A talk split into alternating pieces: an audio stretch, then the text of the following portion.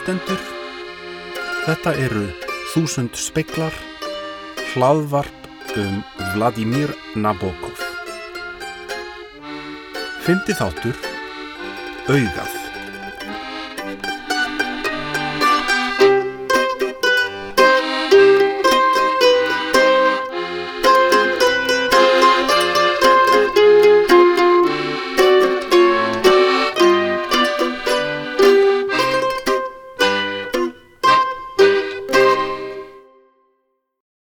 Til er svo saga um enska landkönnuðin Walter Raleigh að hann hafi eitt sinn setið við skrifborðið heima hjá sér þegar hann heyrði mikla háreisti berast inn um gluggan. Raleigh satt á þessum tíma við skriftir og vann að veraldarsögu sinni. Geysið miklu verki sem hefur stóran titil og heitir einfallega The History of the World. Umrættan dag er hann djúft sokkin við að setja saman lýsingu á ótilgreindri orustu úr fornöld þegar hann heyrir óhljóð berast inn á gluggan utan af götu eins og það hafi komið til einhverja átaka. Raleigh flýtir sér niður stigan og út á gangstjett þar sem hann sér tvo menn í slagsmálum og þó nokkund hópa fólki sem stendur í kring og reynir að aðskilja mennina tvo. Eftir all nokkrar riskingar tekst að stýja mönnunum í sundur og róa þá nýður. Valter Raleigh er forvitinn um tildrög slagsmáluna. Hvað var það eiginlega sem gerðist hér? Hann ræðir við báðamennina og nokkra áhorvendur sömuleiðis en lýsingarnar eru út og suður og menn geta engan veginn komið sér saman um upptök slagsmálana, orsökina, hvor byrjaði, hvorum gekk betur eða hvaða bardaga aðferðum væri beitt. Eftir nokkra stund tvístrast hópurinn og Valter Raleigh sest aftur inn við blöðin sín en honum tekst ekki að festa hugan við skrifin því hann situr uppi með erfiða spurningu. Hvernig á ég að geta skrifað trösta lýsingu á einni af veigamestu orustum fornaldarinnar þegar ég get ekki einu sinni dreyið upp samfærandi mynd af nauða ómerkilegum göduslagsmálum.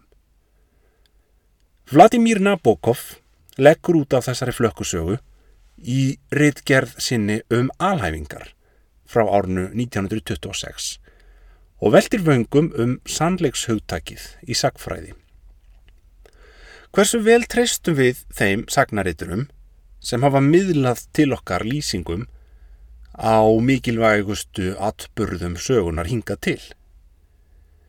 Má ekki ímynda sér að ótal óvissu þættir hafi bjagað þessar lýsingar, hvort sem það er minni skrifarans, rittfærni og tungutak, hagsmunir hans, vandlæting eða aðdáun á þeim mönnum sem er fjallaðum og svo framvegs.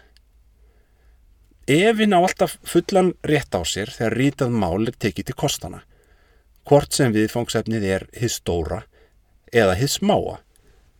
Þetta gildir ekki bara um mankinsöguna og valdatapl stórmenna, heldur líka hverstasleikan og meðalmenni eins og mig og þig. Hver mun skrifa um þig þegar þú ert dáinn? Og hversu vel munu þær lýsingar passa við þá persónlegu sjálfsmynd sem þú hefur að leiðarljósi í lífið þínu núna? Það eru spurningar af þessum toga sem Nabokov leggur til grundvallar í skáldsögunni Augað.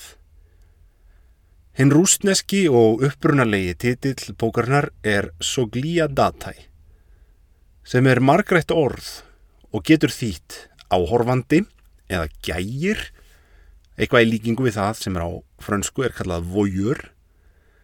En það geti einnig þýtt spæjari eða njóstnari Enska þýðingin er svo sem hér er lögð til grundvallar. En það var Dimitri Nabokov, sonur höfundarins sem þýtti bókina á ensku í samstarfi við föður sinn. Á ensku heitir þessi skáldsaga The Eye sem þýðir augað en hljómar auðvitað eins og persónufornarnið ég, I, sem er kannski sérlega viðigandi orðaleikur í bók þar sem allt snýst um sjálfsmynd þess sem segir söguna. Og spurningin hver er ég er algjört líki landriði. Þetta er jafnframt fyrsta skáltsaga Nabokovs þar sem frásögnin er öll í fyrstu personu.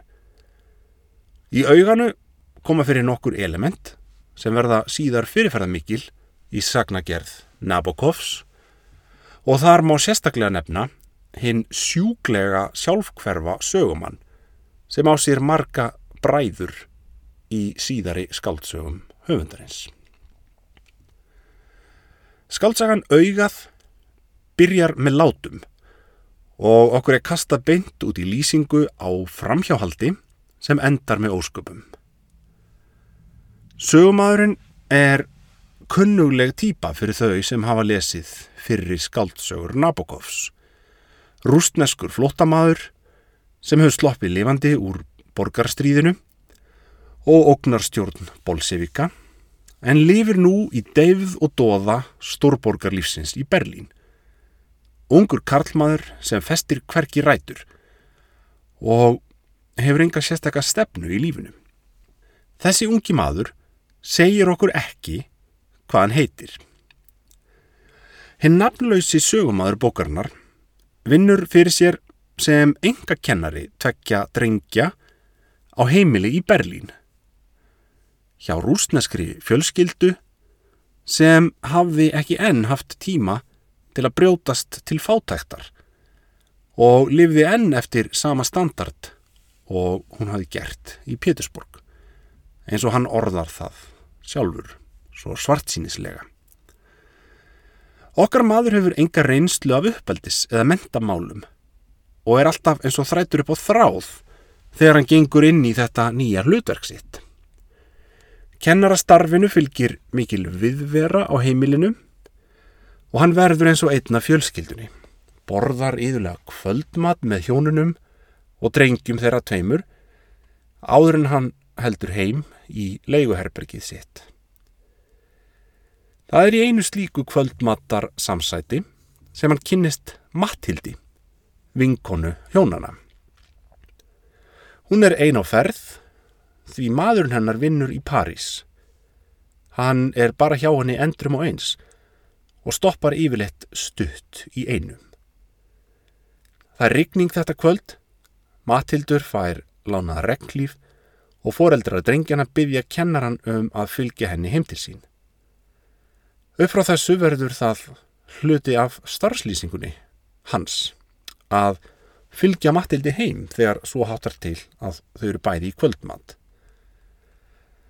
Neistinn kviknar á milli þeirra á einni kvöldgöngunni og þau verða leynilegir elskendur. En það verð þó ofsagt að sögumæðurinn sé sérstaklega hugfangin af þessari nýju hjákonu sinni. Þvert á móti segist hann hafa fljótt orðið henni og gefur í skín að hann hafi einfallega látið hann að teima sig áfram. Matildur tala stöðugt um eiginmann sinn og lýsir honum sem göfugum villimanni. Hann mun drepa mig ef hann kemst að þessu, segir hún. Það er í þessum ingangskabla á fyrstu síðum bókarinnar sem fyrsta hugleiðing sögumansins um sjálfsveruna kemur fyrir. Hann lýsi því yfir að hann öfundi allt venjulega fólkið sem vinni hinn hverstaslegu störf, afgreðslumenn, rítarar, búðareigendur, manneskjötnar sem eru svo lánsamar að lifa lífinu í samljómi við umheimin. Það er þessi stöðuga meðvitundum sjálfan sig, hver maður er, sem verður sögumanninum þungur bakki og hann þráir ekkit heitar en að verða ómeðvitaður, losna undan sjálfum sér. Einn daginn þegar sögumadurinn er að hlýða drengjunum yfir lærdóminn, ringir síminn á heimili fjölskyldunar. Fórildratnir er ekki heima, svo annar drengurinn svarar. En þetta reynist vera símtall til kennarans. Á línunni er dularfull rött Maður sem kynir sig ekki en segir ógnandi Ég veit hver þú ert, ég er á leiðinni til þín. Skömmu síðar er barið að dyrum. Þetta er eigin maður Matthildar sem hefur uppgötvað framhjáhald konu sínar og er nú komin til að jafna sakirnar við elskuða hennar. Hann riðst inn á heimilið og gengur í skrokk á kennaranum og drengirni tveir horfa á allt sem fram fer. Að því búnu lætur hann sig hverfa. Kennarin er allur bólkin og marinn eftir aðfarinnar en fyrst og fremst er hann miður sín yfir því að hafa verið niðurlæður svona ríkalega fyrir fram að nefndu sína. Hann kennir ekki meira þann daginn, heldur af stað heim til sín og ákveður á leiðinni að fremja sjálfsmorð. Það er einhver líkara en að fáránleiki lífsins verði honum ljóslífandi þegar hann er búin að taka þessa ákvörðu. Og í fyrsta sinn í langan tíma finnst honum hann vera fullkonlega frjáls. Gjörðir hans hafa enga merkingu framar og hann geti þess vegna látið það að verða sitt síðasta verk að hlaupa upp að næstu konu sem hann sér og kissa hana. Eða möllbrjóta búðarglugga. Eða skjóta næsta mann. Þegar hann kemur heim í herbergi sitt, tekur hann fram skambissuna sína og hliður hana.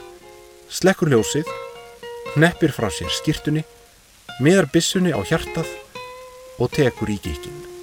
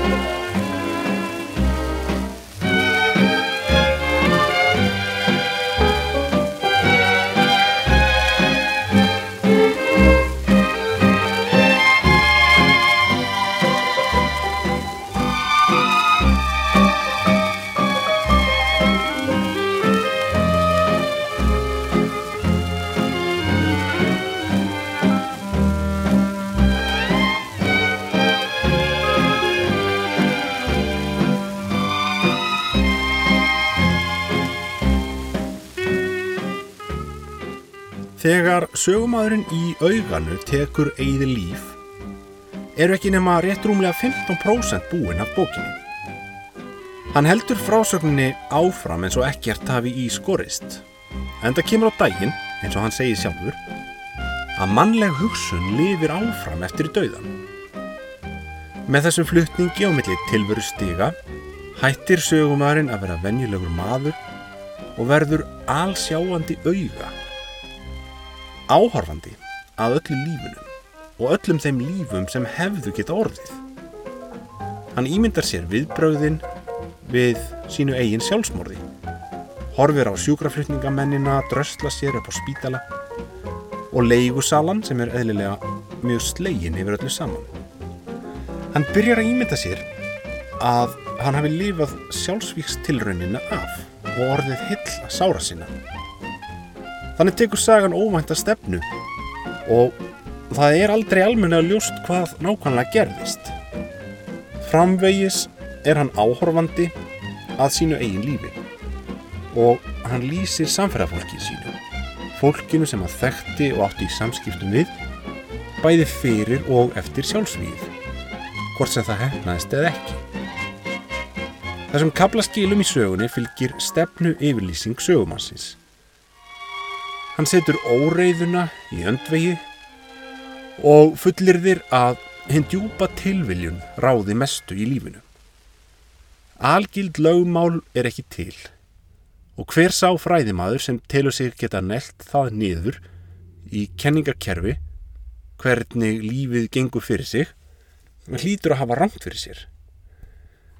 Hér er vísað sérstaklega í Karl Marx og heimsbyggi hans sem er léttvæg fundin. Þessar hugleðingar er auðvelt að heimfara upp á Nabokov sjálfan og ímis önnur skrif hans. Nú víkur sögunni að húsinu þar sem sögumæðurum bjó áður en hann drap sig og býr kannski enn að því gefnu að hann sé enn lifandi. Frásögnin er sem sagt einhver óræð og óskilgreind blanda af fortíð og nútíð. Allir íbúðnir í þessu húsi eru rúsneskir innflytjendur. Þar ber fremstar að tellja tvær sistur sem heita Vanja og Evgenia. Ungar konur sem hafa það nokkuð gott í lífinu en það fá þær reglulega sendar ávísanir sér til framfæslu frá föður þeirra sem býr og starfar í London. Evgenia er gift manni sem heitir Krútsjóf og sá hefur sömulegis góðar tekjur. Vanja er ógift og í kringum hana eru gerðnan alls konar vonbyðlar sem hafa mismiklar væntingar um árangur. Á heimilinu búa líka tveir ungir menn. Þeir Múkín, sem er fáaður og snirtilegur mentamaður, með lonjættur, maður sem reykir enskar stíkarettur uh, og hefur þekkt sýstuna lengi. Og Smúrof, sem er dölarfullur og þögull og nýr í þessum félagskap. Loks er það Roman Bogdanovic, miðaldra maður sem er ættaður frá Eistrasaltslöndunum og hefur þá hugssjón í lífinu að halda dagbók og skrásetja allt sitt líf rækilega. Því þannig vill hann verða komandi kynnslóðum að gagni. Einu sinni í viku fer Roman Bogdanovic út á posthús með dagbókarblöðin sín og sendur þau til vinarsins sem býr í Tallinn. Hann geymir ekkit afritt af skrifunum fyrir sjálfan sig og þannig kemst hann hjá því að fristast til að breyta skrifunum eftir á. Ég er að skrifa þetta fyrir sjálfa mig þegar ég verð orðin gammal maður, segir Roman Bogdanovic. Ef ég kemst að þeirri niðurstöðu að líf mitt hafi verið verðugt og innihaldsríkt, þá verða endurminningarnar mínar gjöf til framtíðarinnar. Sögumadurinn fjallar jöfnum höndum um fólkið í húsinu til að byrja með, en smátt og smátt beinist aðtigli hans að einum íbúanum umfram alla hina. En það er hinn dularfulli Smúrof. Eftir því sem sögumadurinn lærir meira um Smúrof, því meira vill hann vita um þennan nýjasta íbúa húsins. Aðkomumannin sem fólk heldur að hafi barist í herr kvítliða, sennilega orði vittni að alls konar hörmungum í borgarastríðinu og kannski orðið manni að bana, kannski fjöldamanns. Það sem byrjar sem eðlileg forvitni hjá sögumennum snýst fljótlega upp í reyna og beina þráhyggju, þar sem Smúrof skikkir á allt annað í sögunni. Smúrof sjálfur heldur sig að mestuleiti til hlés í byrjun en opnar sig nokkuð óvænt eitt kvöldið og fyrir að segja frá fortíð sinni. Í ljós kemur að hann var í hópi þess fólks sem fór á Krímskagan í kjölfar rúsnesku byltingarnar og stopnuðu þar sjálfstætt ríki. Hér er beintenging við líf Nabokovs sjálfs því hann var einmitt í þessum hópi líka. Þegar bolsevikarnir leggja krímskagan undir sig eru kvítliðarnir ímist fangelsaðir, fluttir burt eða flýja sjálfur. En Smúrof gengur til liðs við fámennan hóp skæruliða sem berjast við herrdeildir bolsevika úr launsátri og halda til á hæðum og í skóum. Í einni orustunni verður hann fyrir skoti og tekst að flýja til Hjalta við Ídlan leik, nær döiða en lífi og leitar þar skjóls hjá gömlum vini. Þegar hann er orðin hill sára sinna, reynir hann að flýja, dölbúin og með falsað vegabrif, en er tekin höndum á lestastöðinni og leittur burt í vöruskemmu þar sem tilstendur að taka hann af lífi án dóms og laga. En með ævindirlegum hætti tekst honum að flýja frá aftökusveitinni og hverfa út í myrkrið. Eftir stuttan nætusvefn innan um tunnur og póka á bryggjunni stelur hann árabát og ræðir af stað beint af augum og fimm dögum síðar er hann bjargað um borð í gríst seglskip. Stuttu eftir þessa merkiðu frásögn tekur sögumadurinn að velta vöngum um Smúrof. Hver skildi eiginlega vera hinn sanni kjarni í þessu manni sem hefur svo margar grímur?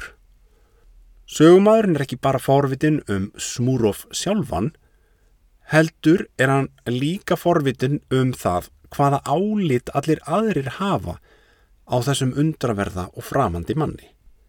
Það er einhver líkara en að honum finnist að hinn raunverulegi smúróf hljóti að vera summan af öllum þeim skoðunum sem annað fólk hefur á honum.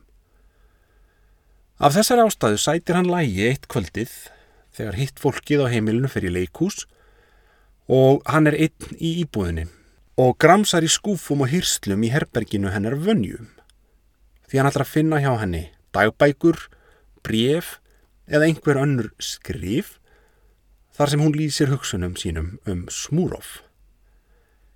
Leitin ber þó engan árangur og sögumadurinn er engu nær.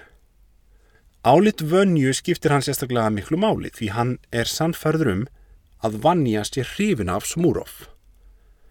Sá grunur er staðfestur tímabundið nokkru síðar þegar frændi sýstrana kemur í heimsókn og dvelur á heimilinu í nokkra daga.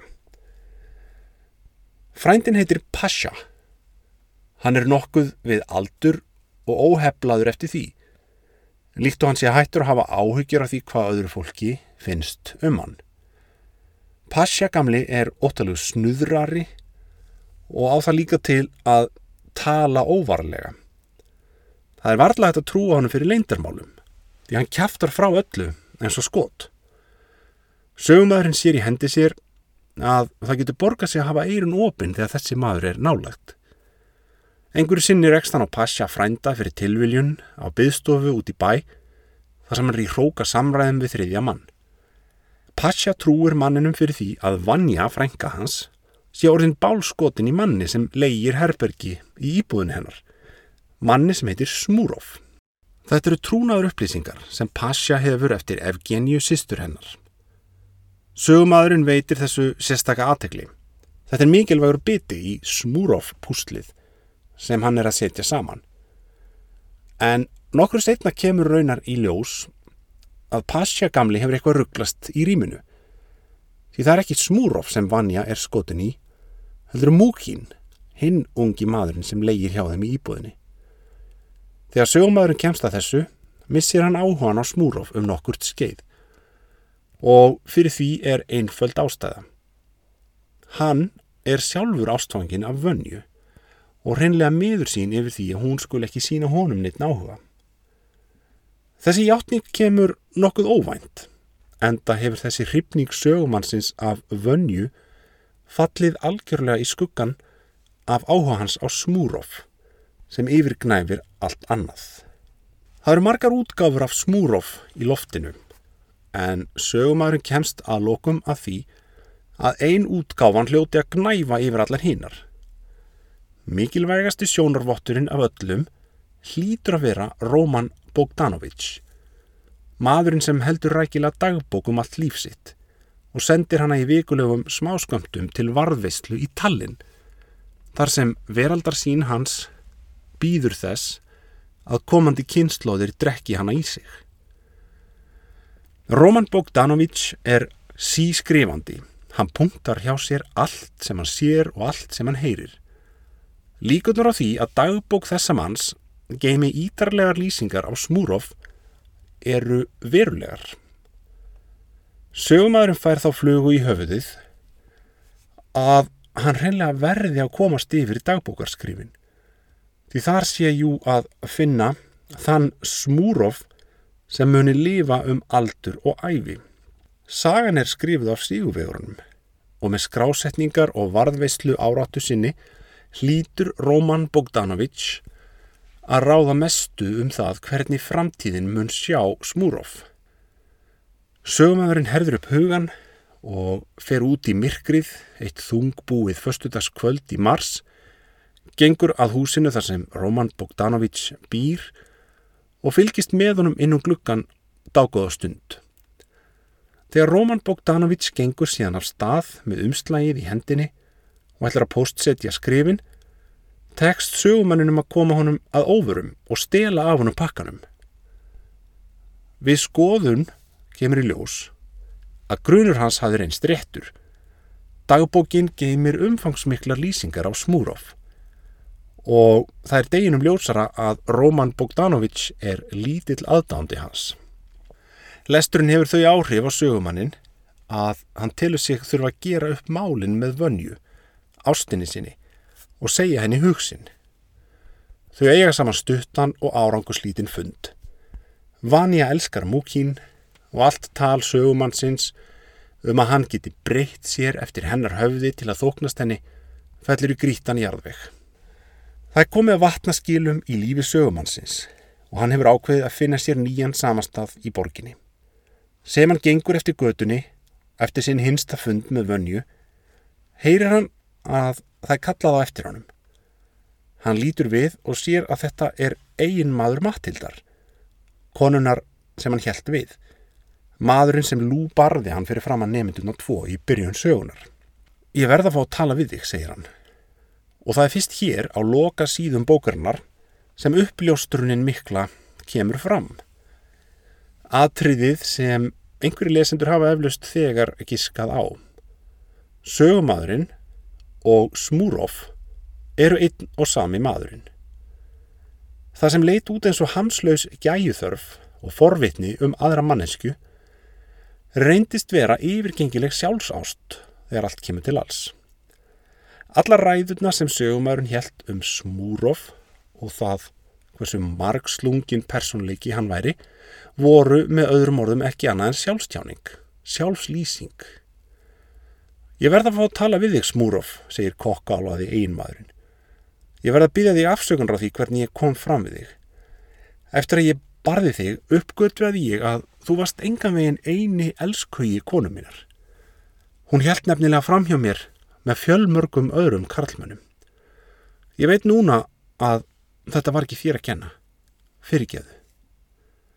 Smúrof er ekki tilbúin til að fyrirgefa atvikið skilir þess laust en segist alltaf hugsa málið. Þessi óvænti fundur verður Smúrof tilefni til nýra hugleðinga. Hann ger sig grein fyrir því að þessi fyrverandi fjandmaður hans hefur tilengað sér enn eina ímyndina, enn eina útgáfuna af Smúrof. En skiptir nokkru máli hverja, spyr hann svo. Eftir allt saman er ég ekki til. Ekkert er til annað en þúsund speklar sem varpa upp myndum af mér. Með hverju nýri viðkynningu hækkar tala skugganna sem líkjast mér. Engur staðar búa þeir, engur staðar fjölga þeir sér. Ég einn er ekki til. Loka orð skáldsögunar eru stundum tekin sem eins konar manifestó Nabokovs sjálfs eða í það minsta hugleðing um starf rittöfundarins. Rétt eins og Smúrof er hann ekki einn, heldur margur og þrýfst á því að skipta um ham. Hann er rítöfundur, hann er fýðrildasafnari, hann er skákmaður. Hann er ímist Vladimir Nabokov, Vladimir Sírin, Mr. Vivian Badluk, Blavdag Vínomori eða Vivian Darkblum. Og rétt eins og Smúrof er það hans rétta eðli að horfa? Eða eins og Smúrof orðar það samt er ég hamingisamur ánæður, já ánæður ég sverðað ég sver að ég er ánæður ég hef komist að því að eina raunverulega hamingjan í þessum heimi er að horfa skoða, njóstna grannskoða sjálfa sig og aðra. Vera ekkert annað en stort glansandi dálítið blóðhlaupið en sífælt vakandi auga. Ég sverða, þetta er hún. Oh, I've got my eye on you. I don't know why, but Jiminy G, you seem to be just what the doctor ordered for me. Oh, I told my heart you'll do. Right from the start, you've had my okay.